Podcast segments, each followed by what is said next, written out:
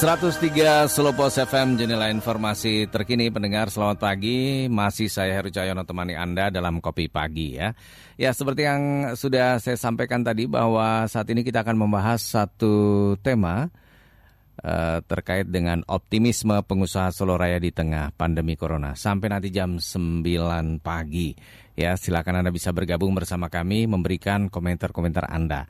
Ya kita tahu perekonomian di kota Solo ini sangat terdampak ya pandemi corona atau COVID-19. Sejumlah perusahaan melemahkan uh, merumahkan karyawannya uh, bahkan sejumlah hotel dan restoran tutup. Selain itu, kerugian perusahaan akibat pandemi corona diperkirakan mencapai ratusan miliar rupiah. Ini Ketua Persaudaraan Pengusaha Travel Umroh Haji Indonesia, Perpuhi, Her Suprabu, mengatakan sejak 27 Februari umroh ditutup. Dampaknya 10.000 jamaah umroh tidak bisa diberangkatkan dari kota Solo. Biro Umroh sudah merumahkan karyawan dan sebagian mengurangi karyawan. Meski demikian, Her menjamin keamanan uang jamaah selalu terpantau. Uang jamaah memperoleh jaminan tidak akan hilang. Nah, Ketua Apindo Solo, Iwan Kurniawan Lukminto mengatakan kondisi sekarang sangat sulit karena dampak pandemi global memang memberhentikan ekonomi global secara masif ya. Nah ini sementara itu Ketua Asosiasi Pengelola Pusat Belanja Indonesia Solo, Budianto Wiharto mengatakan APPBI kesulitan mengenai aturan main antara penyewa dan yang menyewakan tempat. Penyewa banyak yang meminta digratiskan biaya sewa, padahal biaya rutin tidak pernah berkurang. Sementara itu Ketua Persatuan Hotel dan Restoran Indonesia PHRI Solo Abdullah Suwarno mengatakan sampai 13 April ada 15 hotel dan restoran atau kafe di Solo yang tutup. Sementara itu Sri Mulyono menyatakan Asosiasi Kontraktor Listrik Indonesia memiliki 23 anggota aktif. Jika masing-masing memiliki 50 karyawan, maka ada sekitar 1.150 karyawan yang terdampak. Nah, pendengar pertumbuhan perekonomian Solo Raya diperkirakan tumbuh melambat pada 2020. Ini jelas dampak pandemi COVID-19 ya, yang mengakibatkan permintaan masyarakat secara umum terhadap barang dan jasa cenderung menurun. Hal ini yang menyebabkan kota Solo mengalami deflasi terbesar di Pulau Jawa pada Mei 2020.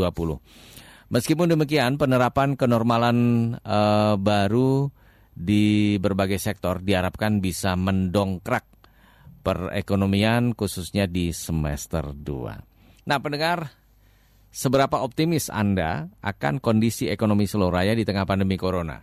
Silakan Anda bisa sampaikan jauh, uh, per, pendapat Anda ke WhatsApp ya di 081 226 103 103. Seberapa optimiskah Anda akan kondisi ekonomi seluruh raya di tengah pandemi corona. Atau Anda bisa gabung juga melalui line telepon ya. Line telepon di 0271 739 389 739 367. Ya, nanti kita akan menghubungi dua narasumber kita dari Kadin. Ada Ketua Kamar Dagang Indonesia Kadin Solo, Pak Gareng Esarianto dan juga Pak Farid Sunarto, Wakil Ketua Organisasi dan Hubungan Kelembagaan Kadin Solo, mantan Ketua HIPMI Solo. Anda pun nanti bisa bertanya lah uh, kepada narasumber kita ya. Selain memberikan komentarnya, Anda juga bisa uh, memberikan pertanyaan-pertanyaan kepada narasumber kita. Ya, ini sudah ada yang bergabung, ada Mas Wawan di Sukarjo. Apa pun yang terjadi, kita harus optimis nih memandang segala sesuatu, termasuk sektor ekonomi di masa pandemi. Ya, ini saya melihat Solo sudah mulai bergeliat kembali ekonominya di berbagai sektor di era new normal ini. Jadi saya optimis kalau Solo akan kembali sedia kala. Tetap optimis dan sabar. Ya, terima kasih buat Mas Wawan yang ada di Sukoharjo ya, yang sudah bergabung bersama 103 Solo Pos FM pagi hari ini. Pendengar yang lain, silakan bisa manfaatkan WhatsApp di 081 226 103 103 atau bisa melalui line telepon ya di 739 389 739 367. Baik, kami akan jeda dulu, nanti lanjut lagi. Tetaplah bersama 103 Solo Pos FM. Hey girls, hari gini penampilan tuh harus maksimal. Kece aja nggak cukup, kita harus wangi. So, kece plus wangi baru maksimal. Baru, wangi dari Fresh and Natural Sparkling Collection Spray Cologne. Wanginya bikin gue makin sparkling dan gue banget. Lo bisa pilih varian wangi yang match sama gaya lo. Wangi Live to Love bikin hari lo makin colorful and playful. Biar lo makin cheerful seharian, semprot aja dengan wangi Viva La Fresh. Buat gaya lo yang unik dan penuh kreasi, pilih wangi Muse of the Day. Ada juga wangi Almost Famous-nya yang bikin gaya lo jadi spotlight. Hmm, ini rahasia gue loh, biar makin fresh dan makin sparkling. Come on girls, it's time to shine dengan wangi baru dari Fresh and Natural Sparkling Collection Spray Cologne. Apa pun stylemu, be your own star. Ibu kok menangis? Eh Bapak, Ibu terharu Pak. Anak kita sejak sekolah di PAUD IT Nur Hidayah jadi terbiasa melafatkan ayat-ayat Al-Quran. Alhamdulillah Bu, ini juga berkat Ibu sudah memilih sekolah yang berakidah Islam. Wujudkan putra-putri Anda sejak dini memiliki kepribadian islami dan pengetahuan dasar yang didukung teknologi menuju generasi Qurani dengan bergabung bersama PAUD Islam Terpadu Nur Hidayah Surakarta. PAUD Islam Terpadu Nur Hidayah Surakarta membuka untuk kelas Taman Pengasuhan Anak Pondok Batita Islam Terpadu atau TPA PBIT usia 3 bulan sampai 3 tahun. Kelompok bermain Islam Terpadu atau KBIT usia 3 sampai 4 tahun, Taman Kanak-kanak Islam Terpadu atau TKIT usia 4 sampai 6 tahun. Dengan didukung kurikulum terpadu, pembiasaan adab Islami, outing class, outbound, sharing psikolog, cek kesehatan anak berkala, optimalisasi minat bakat anak, program Jumat ceria bertakwa, seminar parenting dan bina pribadi Islam. Pendaftaran cukup dari rumah saja dengan mengisi formulir pendaftaran melalui bit.ly slash paudit Nur Hidayah. Biaya pendaftaran Rp350.000, transfer melalui rekening Bank Muamalat Indonesia atas nama Trianto dengan nomor 52100742237. Informasi selengkapnya bisa klik di pauditnurhidayah.sch.id, telepon 0271713661 atau bisa hubungi Ustazah Fika 082133541997 082133541997 dan datang langsung di Jalan Semangka nomor 57 Kerten Lawean Surakarta. Paut IT Nur Hidayah Surakarta, gembira bersama Kurota Ayun. Loh, kenapa kok nangis? Adek bosen bu di rumah aja, nggak bisa jalan-jalan. Ayah janji deh, nanti kalau virus corona sudah berlalu, kita jalan-jalan lagi ke Jogja, Karanganyar, Sragen, Ngawi, melalui jalan tol Solo Ngawi. Adik boleh pilih ke mana adik suka. Hore! Ayah sama ibu baik deh.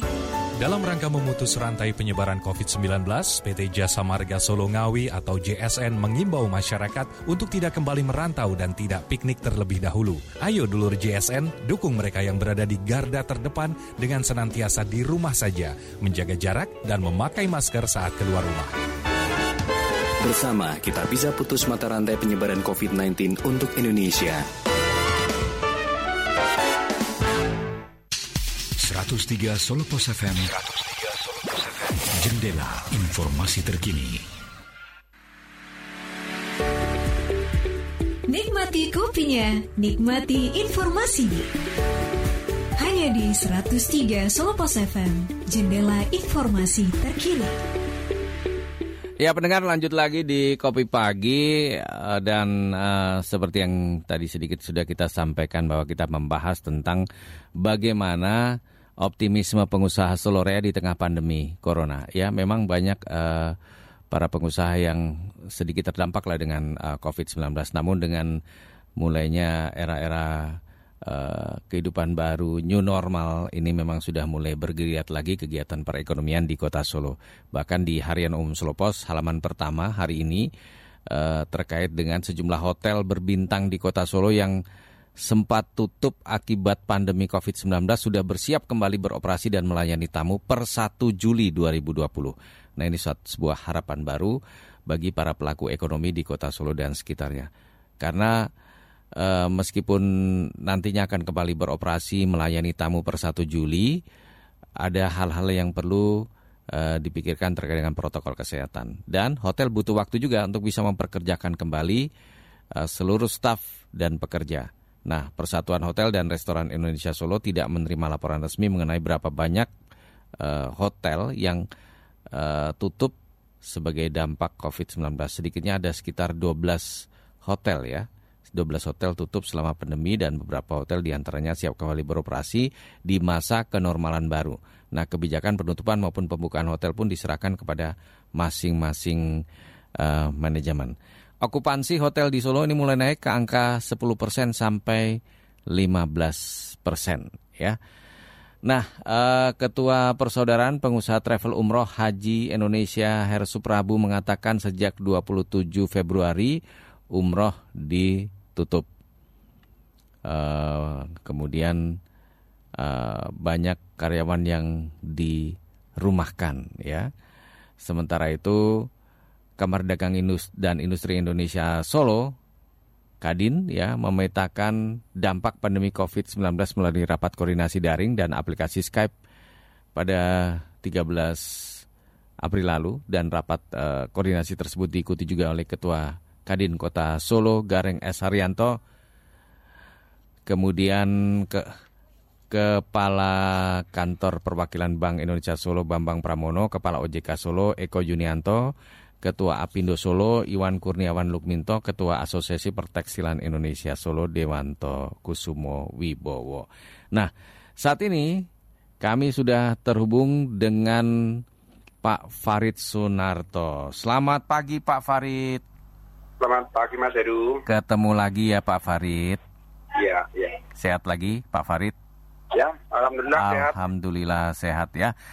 Ya, Pak Farid minta waktunya sebentar nih terkait dengan optimisme uh, para pengusaha di Solo Raya di tengah pandemi corona. Ini kan sudah mulai ada harapan barulah. Bagaimana kira-kira kondisi perekonomian Solo Raya nih di tengah corona hingga saat ini dan pantauan Kadin Solo nih, Pak uh, Farid? Ya, Mas Heru dan juga pendengar hmm. Solo FM Ya sekarang ini kita harus mengakui bahwa tidak ada satu negara pun yang tidak mengalami kesulitan ekonomi ya. Oke. Okay. satu kota pun yang tidak mengalami masalah perekonomian akibat pandemi uh, COVID-19 ini. Mm -hmm. Begitu juga dunia usaha juga mengalami adaptasi dan adaptasi pun ini tidak terlepas dari persoalan bagaimana sebetulnya implementasi adaptasi. Ya. Yeah jadi sebelum bicara tentang ekonomi, sebetulnya kita bicara kesulitan-kesulitan di tengah pandemi ini sampai sekarang tahap uh, new normal. New normal. Kita sudah mengalami satu kesulitan. Mm-hmm. Contoh kasus kesulitan adalah bagaimana adaptasi dunia usaha khususnya yeah. misalnya mm-hmm. di uh, supermarket misalnya atau di pusat perbelanjaan. Yeah harus melakukan protokol COVID. Hmm. Satu, bagaimana protokol COVID itu uh, harus diterapkan kepada semua pengunjung, uh, baik dari segi apa syarat kunjungan maupun fasilitas yang disediakan itu sudah mengalami kesulitan. Jadi kalau kita bicara tentang dampak sampai sekecil apa pun sampai pasar tradisional sekarang era sekarang ini mm -hmm. era new normal, yeah. normal itu okay. kita sedang beradaptasi sejatinya. Mm-hmm. Dan proses adaptasi itu ternyata tidak mudah, Mas. Ya. Tidak mudah. Butuh waktu ya, Pak ya. Iya, karena ini terkait dengan knowledge, dengan pengetahuan, dengan apa itu impact atau dampak atas perilaku seseorang. Dari mm-hmm. contoh ini, di rumah makan saja sudah bagus nih, ada yeah. tempat cuci tangan. Betul betul. Ada sabun. Ini sudah bagus. Mm-hmm. Sampai di situ sudah bagus. Mm-hmm. Kemudian si yang jualan pakai face shield, pakai masker, yeah. itu udah bagus. Mm-hmm. Tapi tetap saja ada titik lemah misalnya, eh masih pakai terbet. Terbetnya dipakai pembeli pertama, kedua, ketiga. Ini kan satu kesalahan lah. Ya. Proses itulah yang saya mm-hmm. maksud. Mm-hmm. Di era new normal ini kita semuanya masih ada kesulitan. Yeah menerjemahkan implementasi new normal itu di dalam konteks uh, dunia bisnis dan dunia bisnis. Ini berarti memang uh, apa ya? Ada sesuatu hal yang baru yang memang harus kita lakukan yang sebelumnya mungkin kita tidak lakukan. Betul. Ya. ya mungkin orang sekarang nganggapnya kok ribet ya, tapi itu memang sebuah protokol yang harus kita lakukan gitu ya. Iya, dan ya, makanya itu. ada kelompok-kelompok sebelah yang melakukan framing-framing bahwa hmm. ini semua konspirasi, ya. mulai ya euforia dengan kebebasan dan mm -hmm. oh, COVID kita harus diterjemahkan kita harus ber, bertidak apa istilahnya itu beradaptasi dengan uh, COVID ini dalam yeah. konteks euforia yang salah lah ini yang lebih salah lagi gila lagi gitu. Oke, okay. Pak Farid ini kalau misalnya keluhan-keluhan yang sering muncul nih, terutama di sesama anggota Kadin ini terkait dengan kondisi perekonomian yang terimbas corona. Keluhan-keluhan apa sih yang sering muncul dari um, mereka ini, Pak? Ya, misalnya keluhan-keluhan tentang aturan yang terjemahnya belum jelas. Hmm. Jadi misalnya, misalnya anak eh, anak-anak tidak boleh ke mall. Gitu ya, ya. Anak-anak tidak boleh ke mall. Ini implikasinya tidak mudah. Ya, betul. Yang diperoleh laporan beberapa kali, ini menimbulkan kericuan di mall. Jadi kalau misalnya ini katakanlah new normal, mm -hmm. orang dari Semarang uh, ke mall ke Solo itu, yeah. tentu tidak sendiri kan, mm -hmm. sama keluarga. 10 tahun, 10 tahun di bawah gitu. Mm. Kemudian masuk satu mall gitu. Nah saya sebutkan mallnya masuk mall. Protokol mall kan pasti terkait dengan perwali bahwa di masa pandemi COVID ini, new normal ini anak-anak tidak boleh ke mall. mall. Nah, kesulitannya security itu sering sekali berkonflik dengan pengunjung. Hmm. Apakah anaknya yang baru dua anak misalnya ada 15 tahun, ada 10 tahun harus nungguin di luar hmm. atau bagaimana gitu. Sementara orang tuanya boleh masuk? Orang tuanya boleh masuk. nah, itu susah itu, juga ya, Pak ya? Persoalan. Hmm. Kemudian saya juga memberi laporan langsung bahwa food court yang sudah dibuka ini mm -hmm. dibuat sedemikian rupa misalnya yeah. untuk para pengunjung uh, sekian kemudian meja yang semula empat dikurangi jadi dua gitu. Mm -hmm. Tapi ini juga sering menimbulkan konflik karena pengunjung kita kurang edukasi ini yang namanya kursi ini ditarik-tarik gitu. Ya, yeah, ya. Yeah. Yang semula ditarik, yang semula kursi dua, eh ini dia berempat juga ditarik lagi mm -hmm. di situ konflik lagi. Jadi mm -hmm. proses adaptasi itu tidak mudah dan ya. perlu kebersamaan kita mengedukasi masyarakat, masyarakat. usaha kita. Ya, tidak mudah itu kan sama halnya juga merubah mindset masyarakat juga ya Pak ya. Merubah ya. uh, pola pikir masyarakat yang lama menjadi pola pikir yang baru begitu mungkin ya. Agak-agak ya. susah di situ. Nah, ini kalau upaya-upaya yang uh, terus dilakukan dari uh, Kadin sendiri apa ini Pak? Ya tentu kita mm-hmm. kalau kaitannya dengan regulasi, yeah. kita memang mendesak kepada pemerintah untuk menerjemahkan regulasi supaya di tingkat implementasi ini tidak menyulitkan dunia usaha. Okay. Kalau posisi posisi seperti larangan-larangan anak-anak yang tidak jelas tadi kan memang mm-hmm. uh, ya akan menyulitkan pihak mall. Yeah. Ya, pusat perbelanjaan pasti hmm. menyulitkan dan ujungnya mereka salah kalau ada ada katakanlah kasus gitu mereka yeah. pasti posisinya Posisi sama. dalam kondisi salah ya. Hmm. Terus menerus kita perlu duduk bersama dari sisi satgas COVID, yeah. pemangku kepentingan dan dunia usaha ini jangan berhenti hmm. untuk menerjemahkan implementasi new normal itu sesuai dengan pembidangan Mas Heru. Karena okay. tidak sama ini tidak sama antara hotel, mm-hmm. pusat perbelanjaan, restoran, nasional, mm-hmm. gitu ya. Mm-hmm. Kemudian transportasi, mm-hmm. masalahnya berbeda-beda dan okay. mereka jangan dilepas untuk meng- menginterpretasikan new normal ini sesuai dengan uh, perspektif mereka masing-masing gitu. Mm-hmm. Harus kawalan-kawalan terus-menerus gitu. Oke. Nah, Pak Farid ini ada pertanyaan dari pendengar nih Pak Farid. Mas Wawan di Sukoharjo. Uh, saya mau tanya nih, kira-kira perlu waktu berapa lama sih untuk memulihkan ekonomi di area Soloraya dan kira-kira prioritas di sektor apa yang akan digalakan di area Solo? Oke, pertanyaan yang bagus sekali nih Mas Wawan. Saya hmm. bisa menjawab sesuai dengan informasi dan komunikasi dengan para pakar. Hmm. Ini itu sama persis dengan pertanyaan di dunia ya. ya. Sampai kapan? Sampai kapan ya? Hmm. Tidak sekedar Solo Raya, karena pertanyaan itu kan sampai kapan COVID itu bisa dikendalikan gitu kan? Ya. COVID hmm. itu kan virus. Hmm. Berbeda dengan virus yang uh, barangkali penyakit yang uh, menyebar melalui nyamuk misalnya demam berdarah gitu. Ada pertanyaan hmm. yang gila gini, kalau demam berdarah kan uh, korbannya lebih banyak, tapi kenapa nggak seboh COVID? Hmm. Jawabannya gampang. Demam berdarah itu penularan karena nyamuk. Yeah. Nyamuknya itu disemprot, dibunuh, di di gorong-gorong atau di tempat-tempat suntik dibunuh. Nah, kalau COVID penyebarannya melalui manusia, apa pertanyaan yang sama, kemudian jawabannya sama, dan manusianya dibunuh kan tidak. Ini kan menular dari manusia ke iya, manusia. Ya, jawabannya hmm. adalah sampai antivirus itu benar-benar efektif, ya. bisa mengontrol, menyembuhkan, hmm. syukur membunuh virus atau menaikkan antibodi seseorang sehingga bisa yeah. membunuh virus itu. Hmm. Nah, sampai kapan?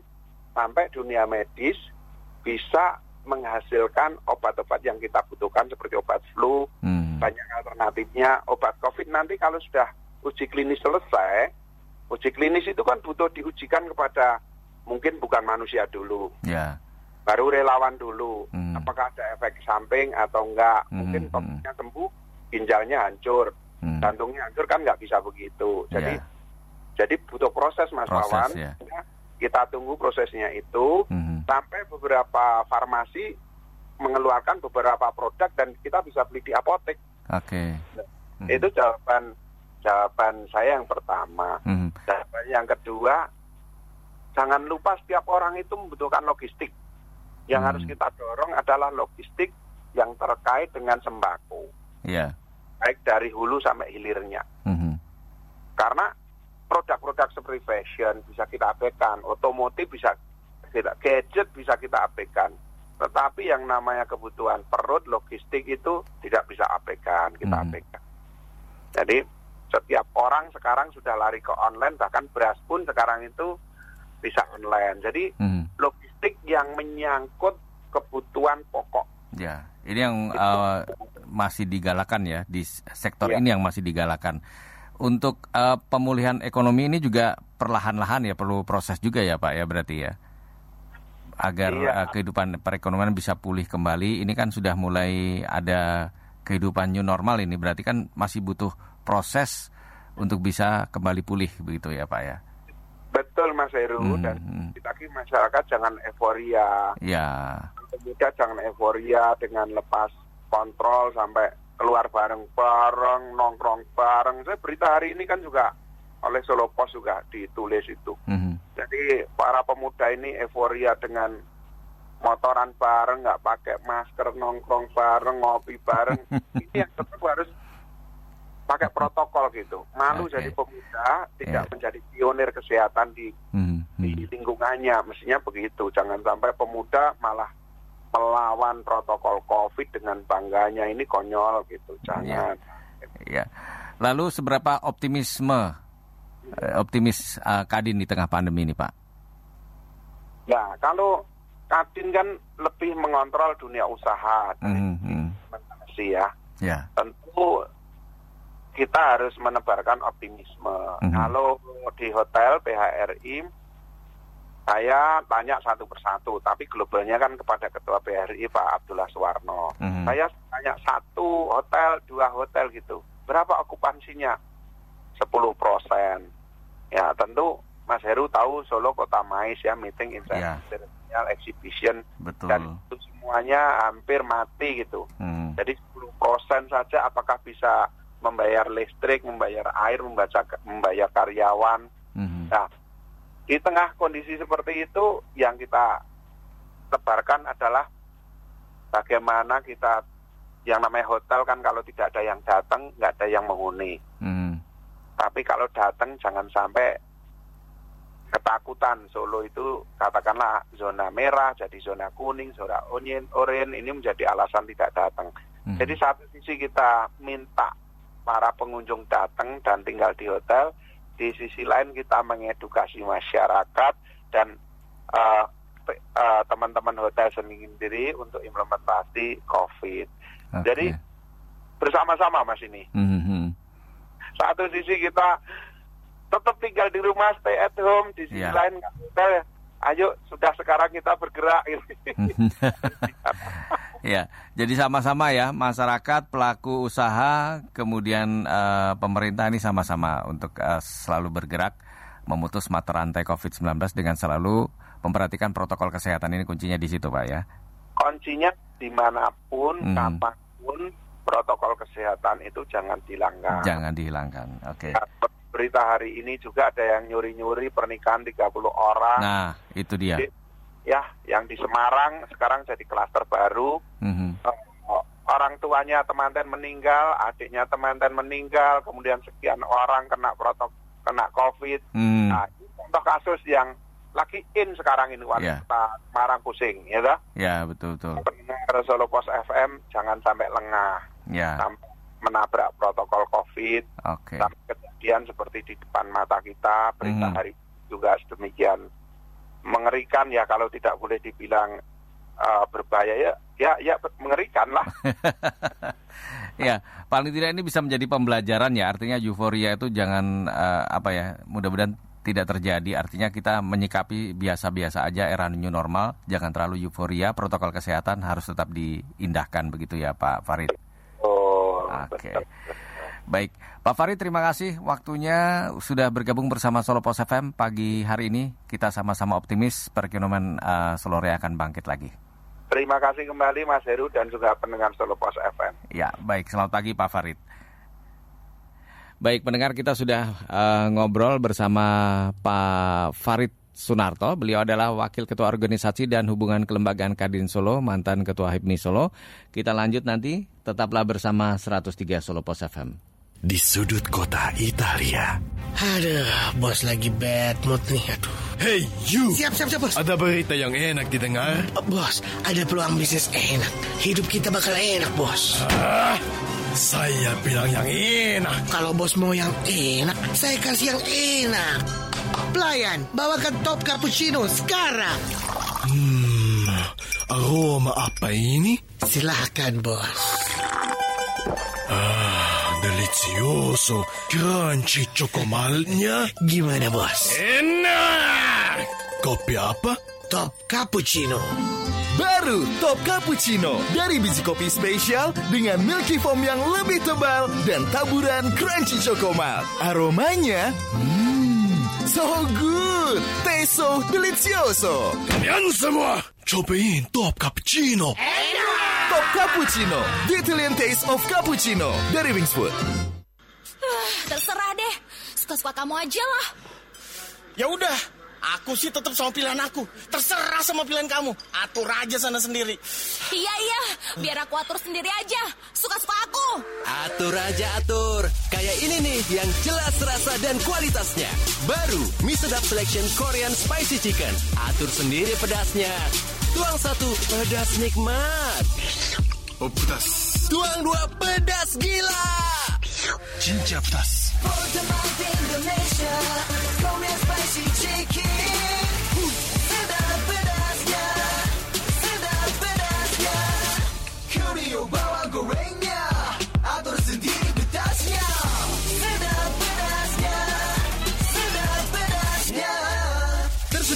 Kemasan praktis dalam cup loh. Penasaran gimana enaknya? Kalau kata Siwon sih... Cobain aja sendiri. Dari Wings Food.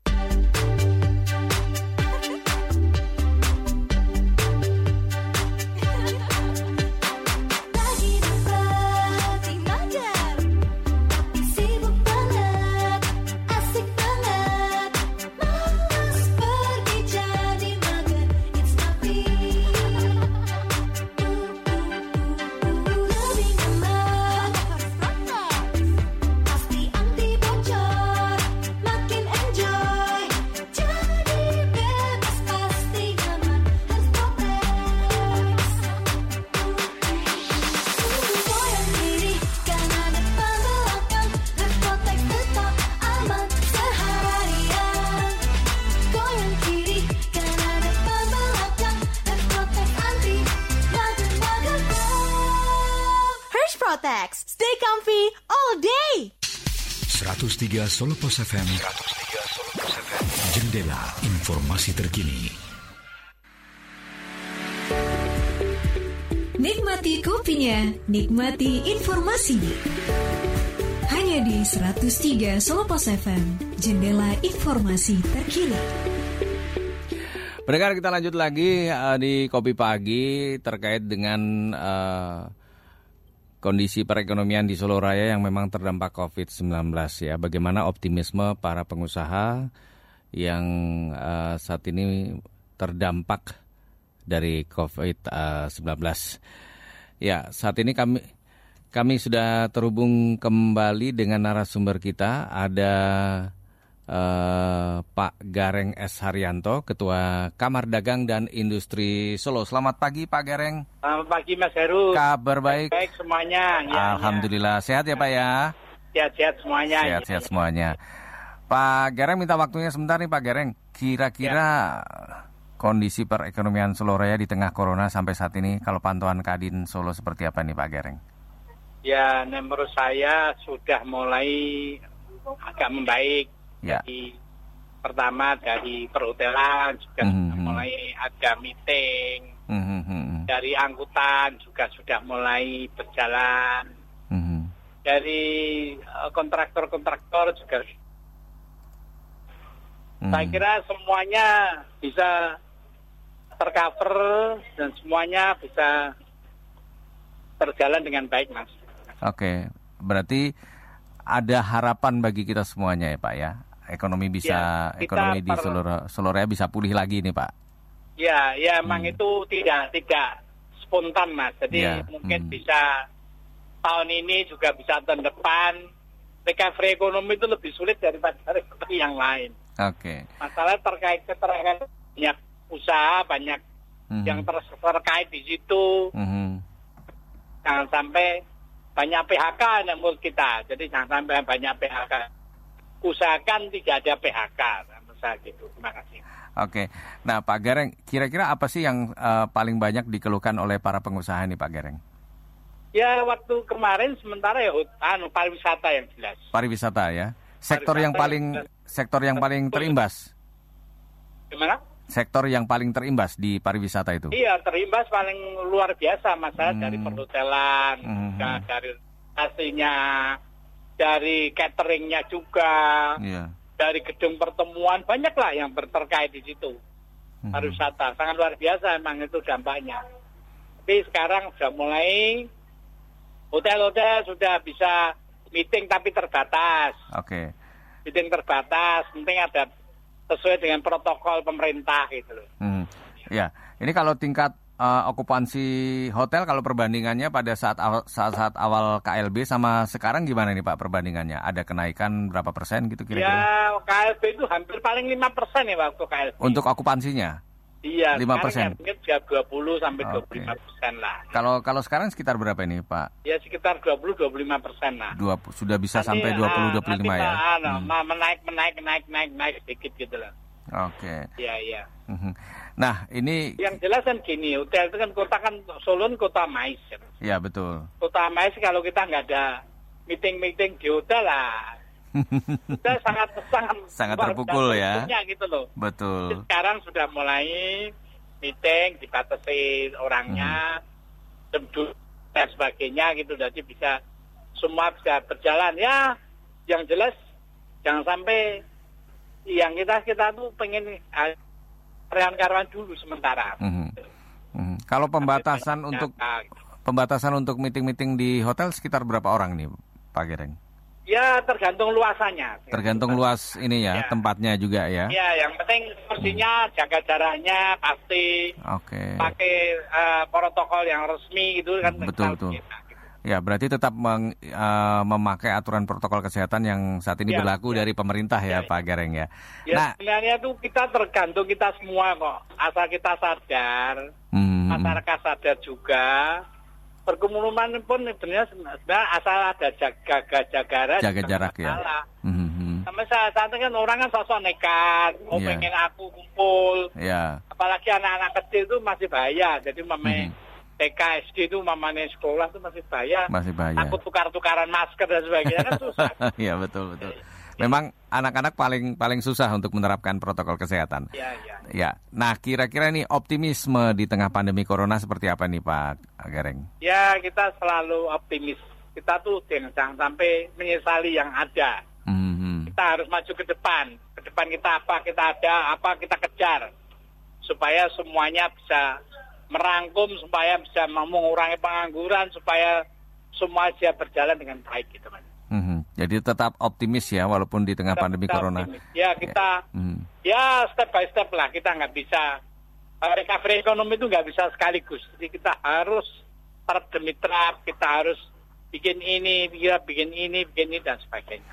Ya, ini kalau yang Pak Gareng tadi sebutkan bahwa yang kelihatan meningkat kan di sektor pariwisata ini Pak sudah mulai ada uh, peningkatan di hotel, sudah ada ok- okupansinya sudah mulai meningkat. Kalau di sektor-sektor lain Pak seperti uh, para pengusaha retail misalnya mall, uh, pasar ya gimana ini? Cukup bagus. Sudah cukup bagus ya Pak ya? Masih cukup bagus. Masalahnya kebutuhan sehari-hari ngambilnya di retail, kebutuhan sehari-hari ngambilnya Hmm, toko kecil dan sebagainya. ya.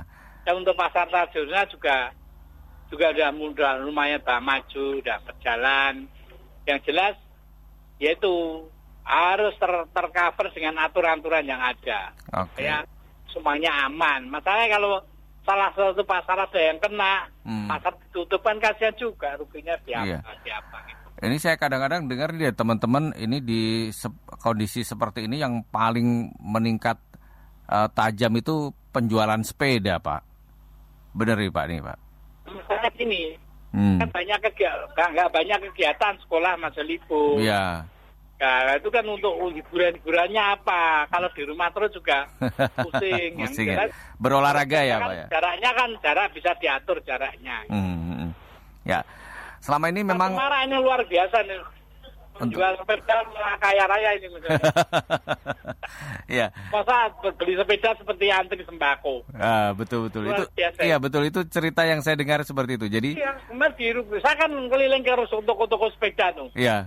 Rodalin, Rukun Makmur. Eh. Wah gila orangnya A- di telepon juga nggak bisa. Antriannya Orang seperti telepon aja sampai nggak bisa loh.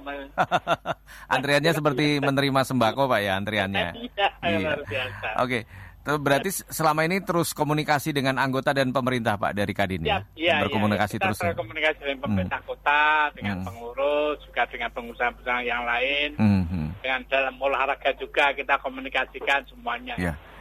Oke, kira-kira untuk langkah-langkah konkret ke depannya nih yang eh, diharapkan agar eh, perekonomian Solo Raya ini bisa pulih kembali nih Pak. Ya harapannya kita harus belajar terus untuk memajukan kita harus bagaimana. Hmm, hmm, Kita seperti ini, kita topangnya harus seperti apa. hmm. Kita harus pelajari satu persatu dan kita penting kita semuanya kompak dalam usaha. Gitu. Oke. Nah, ini terkait beberapa tempat mungkin yang eh, apa istilahnya eh, ada sedikit protokol kesehatan yang mungkin tidak diindahkan. Ini ada masukan-masukan buat mereka, Pak. Iya, Untuk, seperti eh, di mall. Hmm. Jadi sebenarnya anak-anak kecil itu di mall juga sebenarnya kan nggak boleh juga. Ya, betul. Hmm, Mall tuh hmm, hiburannya juga cukup banyak sebenarnya mainan anak-anak. hmm, hmm. Tapi harus terkendala bener masalahnya anak-anak kan nggak tahu ini resiko apa kan nggak tahu jadi ya. ya seperti mal-mal juga sa saran juga gitu. Udah aturan pemerintah dijalankan aja semuanya gitu. Hmm, hmm, hmm. Iya. Oke, berarti memang tetap harus menerapkan protokol kesehatan yang dilakukan oleh Iya, pemerintah ya. Semua itu kita tuh bisa batasi diri itu tergantung kita semuanya kok. Hmm, Sadar masyarakat aja sih. Ya, Kalau masyarakat udah sadar semua saya kira pandemi itu saya kira hilang sendirinya. iya. Baik, berarti masyarakat pun juga harus tetap mengindahkan gitu ya. Baik, eh kebetulan juga terputus nih pertanyaan sudah eh, hampir selesai terputus dengan Pak Gareng. Ya ini tadi eh, bincang-bincang kami dengan Pak Gareng. Pak Gareng ini adalah Ketua Kamar Dagang Industri Pak Gareng S Haryanto eh, terkait dengan bagaimana kondisi perekonomian Solo Raya di tengah corona dan juga bagaimana optimisme uh, dari para pengusaha di Kota Solo. Ini Pak Gareng mengatakan sudah mulai sedikit membaik terutama di sektor pariwisata di mana tingkat okupansi hotel ini sudah mulai ada peningkatan dari yang awalnya ketika KLB Corona hanya 5 persen, sekarang sudah bisa mencapai sekitar 20 persen sampai 25 persen. Ya, jadi ini ada harapan barulah bagi para pengusaha di Kota Solo untuk bisa pulih kembali sehingga perekonomian di Solo Raya bisa pulih kembali. Baik, pendengar yang ingin bergabung silakan bisa manfaatkan uh, WhatsApp ya di 081 226 103 103 atau bisa melalui line telepon di 739 389 739 367. Ah, udah seminggu lebih nih work from home. Kapan ini musim virus kelarnya? Sabar aja. Sekarang yang paling penting, kita sama-sama putusin rantai penyebaran virus hmm? corona. Eh, terapin gerakan Love Your Family More yuk. Eh, gimana caranya? Love Your Family More artinya kita tuh lebih menyayangi keluarga dengan cara-cara kayak gini nih. Patuhi anjuran pemerintah hmm. untuk tetap di rumah dan hindari pergi ke tempat keramaian. Ajak keluarga hmm. rutin cuci tangan dengan sabun dan air mengalir. Pakai juga hand sanitizer jika sedang bepergian. Oh. Dan jangan lupa, mandi minimal dua kali sehari. Wah, kalau itu sih harus. Rutin berjemur di pagi hari dan olahraga teratur. Hmm. Perkuat daya tahan tubuh dengan pola makan sehat. Hmm. Dan istirahat cukup. Setuju. yuk, yuk, yuk. Stay clean and love your family more. Pesan kepedulian ini dipersembahkan oleh Nuvo. Nuvo datang, kuman pergi. Wingscare Gue Ciko Jericho. Ini cerita gue dan teman waktu mancing di pulau. Gue dapat kerapu, tenggiri, kakap. Eh buset, berakuda. Terus mau kita panggang nih ceritanya. Eh apes, kita lupa bawa bumbu masak. Untung gue selalu bawa kedelai hitam spesial kecap sedap. Temen gue nanya, kecap doang bro? Emang enak? Sambil ngeledek, singkat cerita, gue bakar ikan di atas api unggun. Penasaran? Temen gue nyamperin.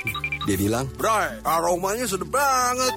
Sambil lihat ikan panggang gue, dia ngomong, wih, Kecapnya benar-benar hitam, caramelize lagi. Bah, sedap nih. Terus gue bilang, itu kedelai hitam spesial kecap sedap baru. Eh, dia main nyerobot aja. Bah, kecapnya meresap sampai ke dalam. Gue bilang, itulah rasanya kecap dengan high quality black bean. Akhirnya kita makan bareng deh sampai kenyang. Itu cerita gue yang paling berkesan dengan kedelai hitam spesial kecap sedap yang bikin masakan selalu looks good taste. Kecap sedap dari Wings Food.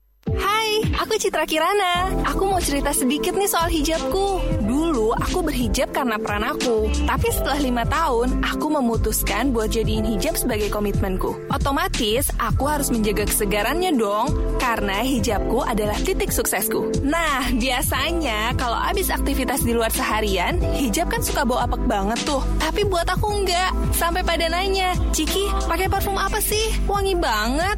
Aku bilang, aku pakai yang baru baru. Mereka langsung pada penasaran. Pakai apa? Pakai apa?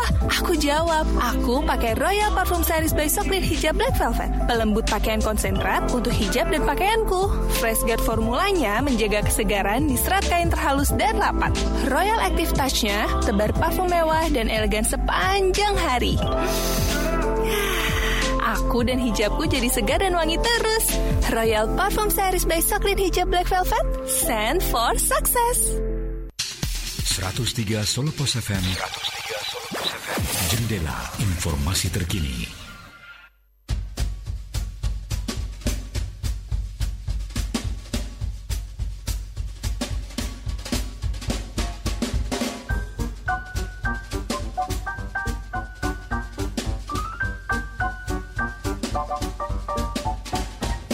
Hey dia tengok kita, hey dia jeling mata. Senyum lagi. Amboy nona manis sekali. Hei dia tengok kita. Hei dia jeling mata. Aduh mas senyum lagi. Amboy nona manis sekali. Dia mengernyit Amboy mah aku dicubit. Siapa dia? Oh putri remaja. Dia malu-malu. Di balik selendang yang biru. Hei dia senyum padaku Itulah gadis impianku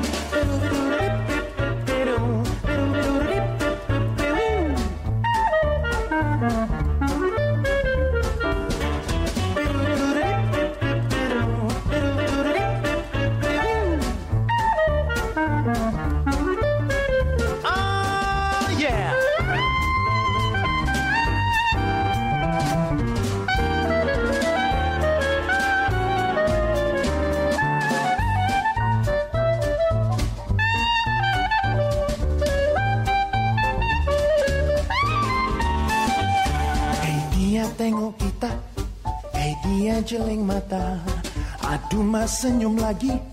Amboy nona manis sekali. Hei dia tengok kita. Hei dia jeling mata. Aduh mas senyum lagi. Amboy nona manis sekali. Dia mengernyit Amboy mah aku dicubit. Siapa dia? Oh putri remaja.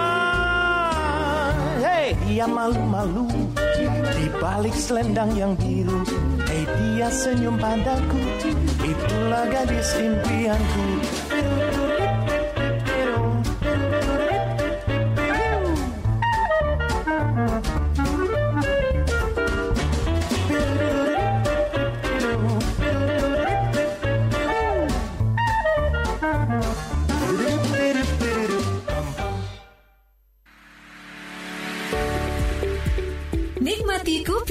nikmati informasinya. Hanya di 103 Solo Pos FM, jendela informasi terkini. Ya pendengar tuntas sudah untuk uh, kopi pagi kali ini. Terakhir kita membahas tentang uh, bagaimana optimisme pengusaha Solo Raya di tengah pandemi Corona. Tadi kita sudah ngobrol dengan Ketua Kamar Dagang dan Industri Kadin Solo, Bapak Gareng S. Haryanto dan juga Bapak Farid Sunarto, Wakil Ketua Organisasi dan Hubungan Kelembagaan Kadin Solo, mantan Ketua HIPMI Solo. Ya, uh, intinya masyarakat memang harus mengindahkan protokol kesehatan yang sekarang uh, diberlakukan oleh uh, pemerintah dan sama-sama berharap agar uh, perekonomian di Kota Solo juga kembali bisa pulih uh, karena terdampak dari pandemi corona atau COVID-19. Saya Heru Cahyono segera pamit undur. Terima kasih untuk kebersamaan Anda di uh, Kopi Pagi kali ini sekaligus mengakhiri Kopi Pagi. Kopi Pagi masih akan hadir lagi besok pada jam yang sama. Selamat pagi semuanya, sampai jumpa.